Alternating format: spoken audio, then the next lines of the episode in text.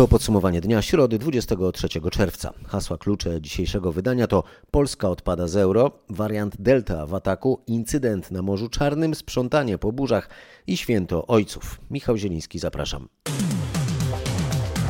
Reprezentacja Polski kończy udział w piłkarskich Mistrzostwach Europy. W tym turnieju naszym piłkarzom poszło gorzej niż spodziewali się pesymiści. Nasi zdobyli tylko jeden punkt w meczu z najmocniejszą w grupie Hiszpanią. Spotkania ze Słowacją i ze Szwecją przegrali.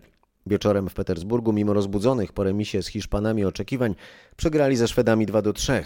Szwedzi zdobyli bramkę już w drugiej minucie meczu, a w drugiej połowie ten sam zawodnik Emil Forsberg podwyższył na 2 do 0. Dzięki dwóm bramkom Lewandowskiego Polacy doprowadzili do remisu, by w doliczanym czasie gry stracić nawet remis. E, Polacy mieli zdecydowaną przewagę, wygrywali większość pojedynków 1 na 1, strzelali w poprzeczkę dwa razy i zdobyli nieuznaną bramkę z minimalnego spalonego. Podopieczni Paulo Souzy zakończyli więc udział w tegorocznym turnieju na ostatnim miejscu w grupie E. W drugim spotkaniu grupy Hiszpania pokonała Słowację aż 5 do 0. E, wywalczyli awans z pięcioma punktami Hiszpanie, a Szwecja zdobyła tych punktów 7. Kibicom żal, że nasza reprezentacja oddała to zwycięstwo, bo samą grę oceniają dobrze.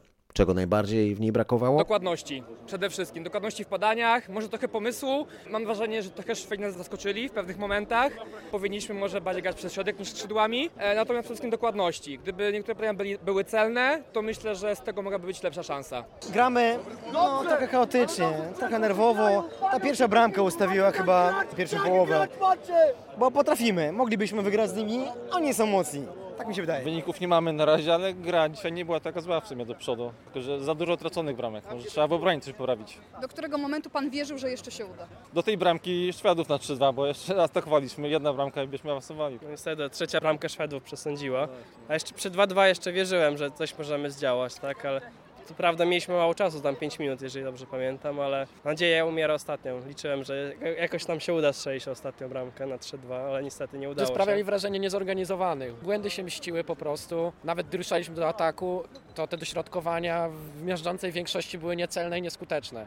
I to wszystko po prostu zaowocowało tym, że nie strzeliśmy tej trzeciej bramki. Zabrakło dosłownie pięciu minut, może sześciu. Gdyby nie było, gdyby ta trzecia bramka nie padła, to no czułbym się lepiej. Naprawdę, ten pierwszy mecz był po prostu niefortunny. W piłce nożnej niestety wszystko się może zdarzyć, y, ułożyło się nie po naszej myśli. Jest nam bardzo przykro, jesteśmy zawiedzeni, ale nie przestaniemy wierzyć w Polskę i nie będziemy się odwracać i będziemy zawsze jej kibicować. No, także musimy się otrząsnąć i walczymy dalej. Ten mecz był ósmym występem piłkarskiej reprezentacji Polski pod wodzą selekcjonera Paulo Sousy. Bilans Portugalczyka w tej roli to zaledwie jedno zwycięstwo, cztery remisy i trzy porażki.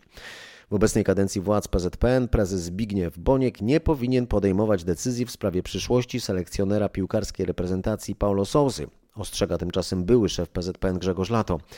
Wybory nowych władz Polskiego Związku Piłki Nożnej zaplanowano na połowę sierpnia i Boniek już nie może być e, brany pod uwagę.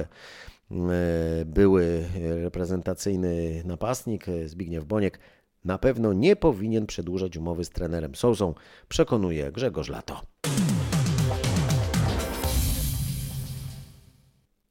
Tym podsumowaniu dnia to już tyle o piłce nożnej, w dalszej części o zagrożeniu nowym wariantem koronawirusa, o tym co się dzieje w Nowej Białej po wielkim pożarze, a także o sprzątaniu w Poznaniu po burzy. E, Będzie też o ostrzelaniu przez Rosjan brytyjskiego okrętu na Morzu Czarnym. Nie zapomnimy również e, o Dniu Ojca. Ja dziś oglądałem z moimi synami mecz i myślałem o tym, że z moim tatą już nie mogę tego robić. Synowie są podobni do ojców, to wiadomo, biorą z nich przykład. Czasem też, e, jeśli chodzi o wybór kariery zawodowej. We Wrocławiu syn Adrian i tato Dariusz Olejnikowie pracują w jednym miejscu. Od małego zawsze ojciec zabierał mnie na pętle w wolnych chwilach, starał mi się pokazywać swój zawód z jak najlepszej strony. No i jakoś tak mi się spodobało, że wciągnąłem się w to sam. Jak to jest pracować z własnym ojcem i faktycznie spotykać się gdzieś na trasie? Tak, tylko jedynie co to możemy sobie pomachać przez szybę w tramwaju, na takiej zasadzie. Albo przez słuchawkę na pętli porozmawiać. Syn mówił, że jak zaczynał pracę, to te początki właśnie wtedy szczególnie mógł na pana liczyć, jak coś się stało, gdzieś jakaś awaria. Tak było. Do mnie dzwonił telefon do taty, ja mu tam poradziłem, no bo wiadomo, że miał troszkę doświadczenie. Jest pan dumny z syna, że poszedł w pana ślady? No tak, oczywiście. Z motorniczymi z Wrocławia rozmawiał e, nasz reporter Paweł Pyclik. Pod koniec podsumowania dnia jeszcze o tym, do czego są potrzebni ojcowie. 165 nowych e, potwierdzonych przypadków zakażeń koronawirusem i 37 osób zmarłych, z czego 29 miało choroby współistniejące. E, to bilans pandemii z ostatniej doby podany przez Ministerstwo Zdrowia. Mm, a magazyn Politico pyta, czy wariant Delta zdestabilizuje wakacje w Europie. O tym, że pytanie jest zasadne, świadczy sytuacja w Wielkiej Brytanii. Tam na wariant Delta przypada już 99% zakażeń. Liczba nowych wykrytych e, w ciągu doby infekcji wzrosła na wyspach w minionym tygodniu do ponad 11 tysięcy. Stało się tak, chociaż szczepienia są tam intensywnie realizowane dwoma dawkami, zaszczepionych jest 60% brytyjskiej populacji, a jedną dawką aż 80%. Mimo to delty nie udaje się zatrzymać. Tymczasem wariant koronawirusa o nazwie Delta nadal mutuje. W Indiach wykryto właśnie kolejną jego odmianę Delta Plus. W podsumowaniu dnia teraz spięcie na Morzu Czarnym. Minister obrony Rosji Siergiej Szojgu mówi, że sytuacja w Europie grozi wybuchem i wymaga działań w celu osłabienia napięcia. E, Siergiej Szojgu zarzucił NATO, że kraje paktu zwiększają budżety obronne. Ocenił, że szczyt NATO w Brukseli z 14 czerwca stał się, jak to ujął, potwierdzeniem transformacji NATO z sojuszu regionalnego w globalny sojusz wojskowo-polityczny, którego celem jest, jak mówi rosyjski minister obrony, powstrzymanie Rosji i Chin wystąpieniu na Moskiewskiej Konferencji Bezpieczeństwa Międzynarodowego, czyli spotkaniu organizowanym corocznie przez Ministerstwo Obrony w Moskwie, szef resortu y, powiedział, że Rosja proponuje, by ćwiczenia wojskowe odbywały się dalej od jej granic. Y, a mówił o tym y, w czasie, kiedy incydent na Morzu Czarnym wskazał, że to napięcie, o którym mówi Siergiej Szojgu, rzeczywiście jest realne. Brytyjski okręt Defender został ostrzegawczo ostrzelany. E, celem miało być powstrzymanie go przed naruszeniem rosyjskiej granicy państwowej, podało Ministerstwo Obrony Rosji. E, rosyjski bombowiec frontowy Su-24M ostrzegawczo wystrzelił na kursie niszczyciela rakietowego cztery pociski. Kilka minut wcześniej w kierunku brytyjskiego okrętu strzały ostrzegawcze oddał rosyjski okręt wojsk ochrony pogranicza. Interwencja myśliwca była więc następstwem tego, że brytyjski niszczyciel nie zmienił kursu. To rosyjska wersja wydarzeń, a o brytyjskiej wersji opowie z Londynu nasz korespondent Bogdan Frymorgan. Wszystko to brzmi bardzo groźnie, ale strona brytyjska zaprzecza, jakoby do takiego incydentu doszło. Nie było żadnych ostrzegawczych strzałów, twierdzi tutejsze Ministerstwo Obrony. Szef resortu Ben Wallace oświadczył w komunikacie, że brytyjska fregata znajdowała się na ukraińskich wodach terytorialnych i wykonywała czynności związane z wpłynięciem na międzynarodowy korytarz morski. Jak podkreślił, Rosjanie odbywali w tym czasie ćwiczenia artyleryjskie o czym strona brytyjska została poinformowana, zanim w mediach ukazały się informacje o rzekomym incydencie na Morzu Czarnym. Warto dodać, że przedwczoraj na pokładzie tej brytyjskiej jednostki podpisano y, brytyjsko-ukraińską umowę o rozbudowie ukraińskiej marynarki wojennej. Pierwszy morski lord Sir Tony Radakin, czyli zwierzchnik brytyjskiej marynarki wojennej, a także wiceminister obrony Ukrainy Aleksandr Mironiuk złożyli podpisy pod umową, wedle której Wielka Brytania wspólnie z Ukrainą zbuduje dwie bazy ukraińskiej marynarki wojennej Osiem okrętów rakietowych sprzeda też Ukrainie uzbrojenie i dwa używane niszczyciele min. A teraz w podsumowaniu dnia będziemy w Stanach Zjednoczonych i zapytamy, czy były prezydent Donald Trump jest skazany na polityczną emeryturę. Jak wynika z sondażu dotyczącego potencjalnych republikańskich kandydatów prezydenckich w kolejnych wyborach w 2024 roku, pozycji Donalda Trumpa może zagrozić Ron DeSantis, gubernator Florydy. Nasz amerykański korespondent Paweł Żuchowski zauważa, że różnica w sondażu nie jest jednak duża. To nie jest jakaś wielka różnica. Pozytywnie gubernatora Florydy oceniło 75% ankietowanych, podczas gdy Trumpa 72 Obaj politycy zdystansowali przy tym resztę stawki. Trzeci w zestawieniu senator republikański Ted Cruz zdobył 42% poparcia. Dlatego niektórzy uważają, że w ciągu najbliższych miesięcy rozpocznie się wśród republikanów dyskusja o tym, kto powinien być kandydatem partii w przyszłych wyborach prezydenckich. I jeżeli okazałoby się, że gubernator Florydy mm, zyskuje w sondażach, no to faktycznie Donald Trump miałby e, spory problem, e, bo też mówiło się, że e, Donald Trump chciałby zostać kandydatem e, swojej partii bez prawyborów albo wziąć udział w prawyborach, ale bez konkurentów. Natomiast jeżeli będzie tak, że gubernator Florydy będzie wyrastał na lidera, no to e, tak łatwo Donaldowi Trumpowi z tym może nie pójść. A kim jest gubernator Florydy Ronnie DeSantis? Jest zaciekłym krytykiem, jak się wyraża, skorumpowanych mediów i portali społecznościowych, a więc tutaj jest e, podobny do Donalda Trumpa. Jest e, entuzjastycznym uczestnikiem wojen kulturowych. No, trzeba powiedzieć, że w wielu kwestiach jest bardzo podobny do Donalda Trumpa, ma bardzo podobne zdanie. Zresztą e, on przyjaźni się z Donaldem Trumpem, przypomnę. Donald Trump mieszka na terenie Florydy. Media nieraz donosiły, że e, gubernator Florydy odwiedzał Donalda Trumpa, a Donald Trump gubernatora Florydy. Kwestia cyberataków na Polskę ma być podniesiona na jutrzejszym szczycie Unii Europejskiej, przekazał unijny dyplomata. E, to, jak zauważa nasza dziennikarka polska, właśnie zabiegała o to, by ta sprawa była tematem jutrzejszego szczytu. E, Katarzyna Szymańska-Borgino opowie z Brukseli, jaka jest odpowiedź na te zabiegi polskich władz. Jak powiedział mi jeden z dyplomatów, sprawa ta znalazła poparcie wielu e, delegacji. Cyberatak znajdzie także odbicie w końcowym dokumencie ze szczytu Unii Europejskiej, czyli w tak zwanych konkluzjach ze szczytu. Polska chce, by w tym dokumencie była mowa o tym, że atak na jedno państwo lub lub więcej jest wyzwaniem dla całej Unii Europejskiej, a także, mm, żeby Rada Unii e, Europejskiej e, zbadała czy wezwała do zbadania możliwości wspólnych unijnych działań dyplomatycznych w reakcji na złośliwe e, działania cybernetyczne. Akapit w projekcie wniosków na szczyt dotyczący cyberataków został dopisany po wczorajszej unijnej naradzie w Luksemburgu ministrów do spraw europejskich i po tym jak minister do spraw europejskich Konrad Szymański właśnie informował o cyberatakach na Polskę. Przypomnę, że Szymański e, mówił, że, że z całą pewnością dyskusja choćby w kontekście Rosji, bo właśnie Rosja ma być tym głównym tematem jutrzejszego szczytu. Właśnie w związku z tym e, w kontekście Rosji może pojawić się e, problem cyberataków. Przypomnę, że także wcześniej, dzień wcześniej, czyli w poniedziałek na spotkaniu ministrów spraw zagranicznych Unii Europejskiej takie państwa członkowskie jak Dania, Litwa, Holandia, Holandia, Łotwa, Rumunia i Estonia wyraziły otwarcie e, solidarność z, po, z Polską w związku z, z przeprowadzonymi e, atakami cybernetycznymi. W sobotę powinny się zakończyć najważniejsze prace porządkowe i rozbiórkowe po potężnym pożarze w Nowej Białej w Małopolsce. Pojawiło się dziś też rozporządzenie dotyczące przyspieszonej pomocy dla mieszkańców w odbudowie domów. Najnowsze informacje zebrał nasz reporter Marek Wiosło. Tak z miejsca relacjonował w dzisiejszym programie. Cały czas trwa sprzątanie i rozbiórka pogorzeliska. Pracuje tam ponad 150 osób, to zarówno strażacy, żołnierze Wojsk Obrony Terytorialnej, jak i pracownicy okolicznych firm budowlanych. Cały czas wywożone są także spalone konstrukcje i gruz.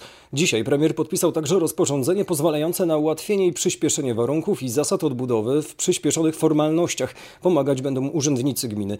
Gmina utworzyła także dwa punkty zbiórki pomocy materialnej. Jeden, który znajduje się w szkole. Tam zbierane są przedmioty codziennego użytku oraz żywność. Drugi punkt to skład budowlany. Tam składowane będą wszystkie rzeczy niezbędne do budowy domu. Pomoc w formalnościach obiecuje gmina Nowy Targ. Mówi o tym zastępca wójta Marcin Kolasa będzie pełne wsparcie ze strony gminy dla mieszkańców, prawdopodobnie łącznie z tym, że no, będziemy my zlecać i płacić za niezbędne dokumenty, które będą miały na pewno charakter uproszczony co do wydawania pozwoleń czy zgłoszenia, ale na pewno e, te dokumenty e, będą musiały w tym trybie nawet uproszczonym być i maksymalnie szybkim, więc, więc będziemy to teraz przygotowywać, natomiast jeszcze teraz na bieżąco skupiamy się na tym, żeby porządkować to pogorzelisku, te prace, te prace zakończyć, które które są niezbędne. Jeżeli y, wszystko pójdzie zgodnie z planem i z tych informacji, które, które tam mamy od, od naczelnika, który zarządza y, tymi pracami y, porządkowymi w terenie i pogoda się utrzyma, to, to myślę, że te podstawowe prace rozbiórkowe, uporządkowanie terenu, przede wszystkim uporządkowanie terenu, no bo wiadomo, że te budynki stodoły gospodarcze, one wszystkie praktycznie w większości skłonęły i one trzeba usunąć to stamtąd, więc to będzie załatwione myślę do soboty. Śląska policja ostrzega przed niebezpieczeństwem na drogach w czasie wakacji. E, a te zaczynają się już przecież za kilka dni. Rok temu w tym okresie na drogach na Śląsku zginęło 42 osoby. Śląscy policjanci zaprezentowali dziś film, który opowiada historię wypadku z ubiegłorocznych wakacji. Ten wypadek wydarzył się w Mikołowie na przejściu dla pieszych. Wśród pięciu rannych osób było wtedy aż czworo dzieci. Na prezentacji tego filmu ostrzeżenia w Śląskiej Komendzie Policji w Katowicach był Marcin Buczek. Wracaliśmy z bawialni i chcieliśmy przejść przez drogę szybkiego ruchu. Kiedy byliśmy już na, przed pasami, Czekaliśmy, żeby ktoś nas puścił. Zauważyłam kobietę e, na przejściu dla pieszych. Przypuszczałam, że to kobieta z dziećmi. E, No więc na tej e, szybkiej, jak się okazało, niebezpiecznej, bardzo drogie, drodze Wiślance chciałam po prostu ustąpić tego pierwszeństwa, e, widząc za sobą pusty pas e, drogi. No więc e, zatrzymałam samochód, obawiając się tylko e, o samochód, który jechał prawym pasem, e, bo bałam się, że po prostu nie wyhamuje i tak jak w wielu przypadkach właśnie na drogach, to ten drugi samochód e, po prostu doprowadzi do nieszczęścia, ale jak się okazało, samochód też zatrzymał się bezpiecznie. Mój samochód e, został po prostu jakby odepchnięty siłą e, od, odrzutu, po prostu został wy, popchnięty do przodu ileś metrów, e, co spowodowało uderzenie moim samochodem w wózek, w którym właśnie były dzieci. W pani samochód uderzyło auto, które jechało z tyłu. Tak. Wakacje to niebezpieczny czas, jeśli chodzi o drogę? Tak, e, ruch wzmożony. Bardzo często e, wszystkim się na ten urlop spieszy. Chcą go jak najszybciej zacząć, ale też potem jak najszybciej być w domu z powrotem, nie bacząc na to, że i zmęczenie jest i, i już za nami bardzo długa podróż. To są te bardzo naprawdę niebezpieczne momenty. Ubiegłoroczne wakacje to statystycznie rzecz biorąc codziennie jedno ranne dziecko na drogach tu w regionie, tak? Tak, 71 ofiar przez troszkę więcej niż dwa miesiące daje nam niestety taką okrutną liczbę. Musimy uważać na te nasze pociechy, bo jest taki slogan, że zło czai się wszędzie. Na drogach niestety to się zdecydowanie potwierdza. Wypadków, kolizji ile było w sumie w ubiegłoroczne wakacje? W sumie mieliśmy ponad 8800 zdarzeń, z czego e, niecałe 700 to były wypadki. To też możemy przyjąć, że niemalże co 11, 10 e, przypadek na drodze kończy się tym, że jakaś osoba wychodzi jednak e, nie o własnych siłach z tego wszystkiego. Nasze życie jest bardzo kruche i to było ogromne szczęście tego dnia. Wraz z nadejściem upałów ludzie zaczęli ginąć w wodzie. W ciągu ostatniego tygodnia utopiły się 34 osoby, z czego połowa w ciągu ostatniego weekendu. I dlatego WOPR apeluje ponownie: pływaj tylko w wyznaczonych miejscach, nigdy nie wchodź do wody po alkoholu. Jak gdy widzimy osobę, która tonie, koniecznie wzywajmy pomoc. Postronna osoba oczywiście jest zobowiązana, jeżeli jest osobą pełnoletnią, do udzielenia pomocy. Jeżeli ktoś nie czuje się na siłach, no to wykonujemy telefon bądź y, wołamy służbę ratowniczą. Jeżeli ktoś się czuje na siłach, no to oczywiście nie będziemy zabraniali udzielania pomocy, ale przestrzegam przed właśnie przecenianiem swojej umiejętności, również jako osoby wypoczywające nad wodą, patrzące na inne osoby kąpiące się. Raczej zalecam korzystanie ze służb ratowniczych, a jeżeli takiej służby nie ma, no to po prostu telefon na policję, na straż pożarną. Jak podkreśla Dariusz Krawiec, wiceprezes Opolskiego WOPR-u, jeśli ratowników nie ma w pobliżu, pomagajmy w grupie. Na pewno nie w pojedynkę, jeżeli mam możliwości zrobić e, grupę nawet takich plażowiczów, którzy chcą chętnie pomóc, e, no to robimy taką grupę, może łańcuch e, tak zwany przeżycia, bo to jest dość mocno stosowane w tej chwili na wybrzeżu. Nawet jeśli się duże skupiska pojawiają w miejscach niebezpiecznych, no to tam poprzez łańcuch ratowniczy możemy taką osobę doholować z powrotem do, do brzegu, jeżeli nie jesteśmy w obecności ratowników. Podczas upałów możliwe są gwałtowne burze z bardzo obfitymi opadami. Ponad 2600 razy interweniowała Straż Pożarna po wczorajszych nawałnicach. Szczególnie boleśnie doświadczył tego wczoraj Poznań. Dziś w mieście trwało sprzątanie. Nasz reporter Mateusz Chłystun relacjonował dziś z placu przy katedrze na Ostrowie Tumskim. Służby miejskie sprzątają pozostałości ziemi i piachu, które naniosła w to miejsce woda. Plac rzeczywiście znalazł się wczoraj pod sporą jej warstwą. Na szczęście, jak przed chwilą zapewnił mnie rzecznik poznańskiej kurii, ksiądz Maciej Szczepaniak, udało się uniknąć zniszczeń w samej katedrze. Woda ostatecznie nie przedostała się do świątyni. Z podtopieniami strażacy walczyli też w kilku poznańskich i okolicznych szpitalach. Było tak między innymi w placówce w Puszczykowie, w Kiekszu czy w samym Poznaniu w szpitalach przy Długiej i Krysiewicza. Woda wdarła się głównie do magazynów i w jednym przypadku do archiwum szpitala. Część sprzętu trzeba było więc przenieść w inne miejsca, ale na szczęście nie zaburzyło to pracy medycznej żadnego ze szpitali. A co się działo na ulicach? Ponownie Mateusz Chłystun. Zostały już udrożnione. Pracowali nad tym zarówno strażacy, jak i poznańscy wodociągowcy. Tych miejsc było wczoraj kilka. Skrzyżowanie ulic Baraniaka z Katowicką, przejazd pod wiaduktem w kierunku ulicy Armii Poznań, pętla na ogrodach, Dolna Wilda. E, czy Park Sołacki. W wielu tych miejscach już wieczorem sytuacja wróciła do normy. Miasto w krótkim komunikacie przekazało, że z tak gwałtownym i nawalnym deszczem kanalizacja nie była w stanie sobie poradzić. Dziś w południe władze Poznania zwołały konferencję w tej sprawie, na której mają podsumować wczorajsze działania i być może też wstępnie oszacować straty. Najważniejsza informacja jest jednak taka, że nie ucierpiał żaden człowiek. Straty są wyłącznie materialne. Dodam tylko, że w części miejsc, głównie to prywatne posesje, strażacy nadal wypompowują wodę z zalanych pomieszczeń. Dziś burze wróciły, na zachodzie upał odpuścił, termometry pokazywały nie więcej niż 27 stopni, na wschodzie wciąż ponad 30. W nocy też będzie gorąco, a to dla naszego organizmu zła wiadomość, podkreśla Grzegorz Walijewski z Instytutu Meteorologii i Gospodarki Wodnej. No na, na zachodzie sytuacja powiedzmy, że się uspokoiła, ale centrum, wschód, południe kraju, tutaj mamy do czynienia z e, nocami tropikalnymi jeszcze. Temperatura w nocy nie spada poniżej 20 stopni. Nawet e, w niektórych miejscach poniżej 21 nie spadnie. A tam, gdzie jeszcze to zwrotnikowe powietrze zalega, czyli wschód kraju, centrum, południe, właściwie mało gdzie spadnie poniżej 18. W nocy nie wypoczywamy. Nasi biometeorolodzy dowiedli, że w przypadku y, temperatury powyżej 18 stopni w nocy y, nasz organizm nie regeneruje się, nie odpoczywa. Więc my nie dość, że mamy stres termiczny w dzień 30 stopni, później stres taki wynikający z tych burz, po bardzo złej nocy nieprzespanej często albo takiej męczącej, bo ta temperatura nie daje nam spać, to po prostu czujemy się przemęczeni, możemy być rozdrażnieni i nasz organizm może nie funkcjonować prawidłowo. Także naprawdę trzeba w tych dniach uważać, żeby prawidłowo wykonywać swoje działania. Na przykład kierowcy muszą uważać, bo mogą być naprawdę narażeni na bardzo mocny stres taki termiczny, opadowy. To może być problem dla niektórych, szczególnie dla meteoropatów. Przy takiej pogodzie niektóre miasta uruchomiły kurtyny wodne, na przykład w Lublinie z przechodniami chłodził się nasz reporter Krzysztof Koch. Przyjemne. Bardzo. A, jak jest? Bardzo dobrze, ja uwielbiam taką pogodę.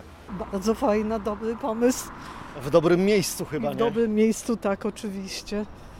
Czyli chociaż na moment, ale można odsapnąć. Można, można, tak, tak, rzeczywiście. Jest wielki upał, ale też można się schłodzić, także to jest coś fajnego.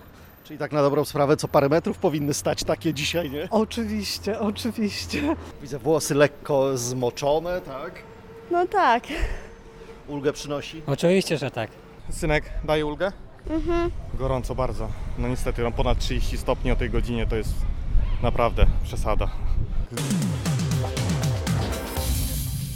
Dziś w kalendarzu było wyjątkowe święto, Dzień Ojca. Żeby dowiedzieć się czegoś więcej o tym, jakie znaczenie mają ojcowie w naszym życiu, postanowiliśmy zapytać o to małych ekspertów. Nasza reporterka odwiedziła przedszkole numer 122 w Warszawie. Pierwsze bardzo poważne pytanie. Powiedzcie mi, dlaczego tata jest ważny? Bo go bardzo kochamy i lubimy się z, z nimi bawić. Bo, bo zarabia dla nas pieniążki na wakacje. Że się z nami jeszcze bawi. Co tata wasz robi najlepiej na świecie? Jakaś jedna rzecz, która super mu wychodzi. Mój tata bardzo robi dobre naleśniki. Mój tata bardzo dobrze z nami e, robi takie wycieczki. Mój tata bardzo robi dobrze gofry. Mój, mój tata bardzo dużo wy, wymyśla na wakacje. Mój tata bardzo dobrze łapie muchy. Jak silny jest wasz tata? Co on potrafi zrobić? Takiego, co wymaga siły, na przykład mama sobie nie radzi i wtedy przychodzi tata, albo wy sobie nie radzicie i wam pomaga. Mój tata bardzo dobrze gra w tenisa i jak mama ma za mało podrzuci piłkę, to tata może ze mamie pomóc. Jak mama sobie nie radzi, jak robi pizzę, to tata wtedy pomaga. Mój tata to jak jest most, to pod górkę to mnie popycha, bo mama by nie dała rady. Tata pomaga, jak mama nie może otworzyć nakrętki od ogórków, a tata otworzy ogórki. Oto do czego potrzebni są współcześni ojcowie do odkręcania słoików i do łapania much. I to już wszystko w dzisiejszym podsumowaniu dnia. Jak zwykle 24 godziny, najważniejsze i najciekawsze wydarzenia zamknięte w 24 minutach. Michał Zieliński, dziękuję za uwagę. Do usłyszenia do jutra.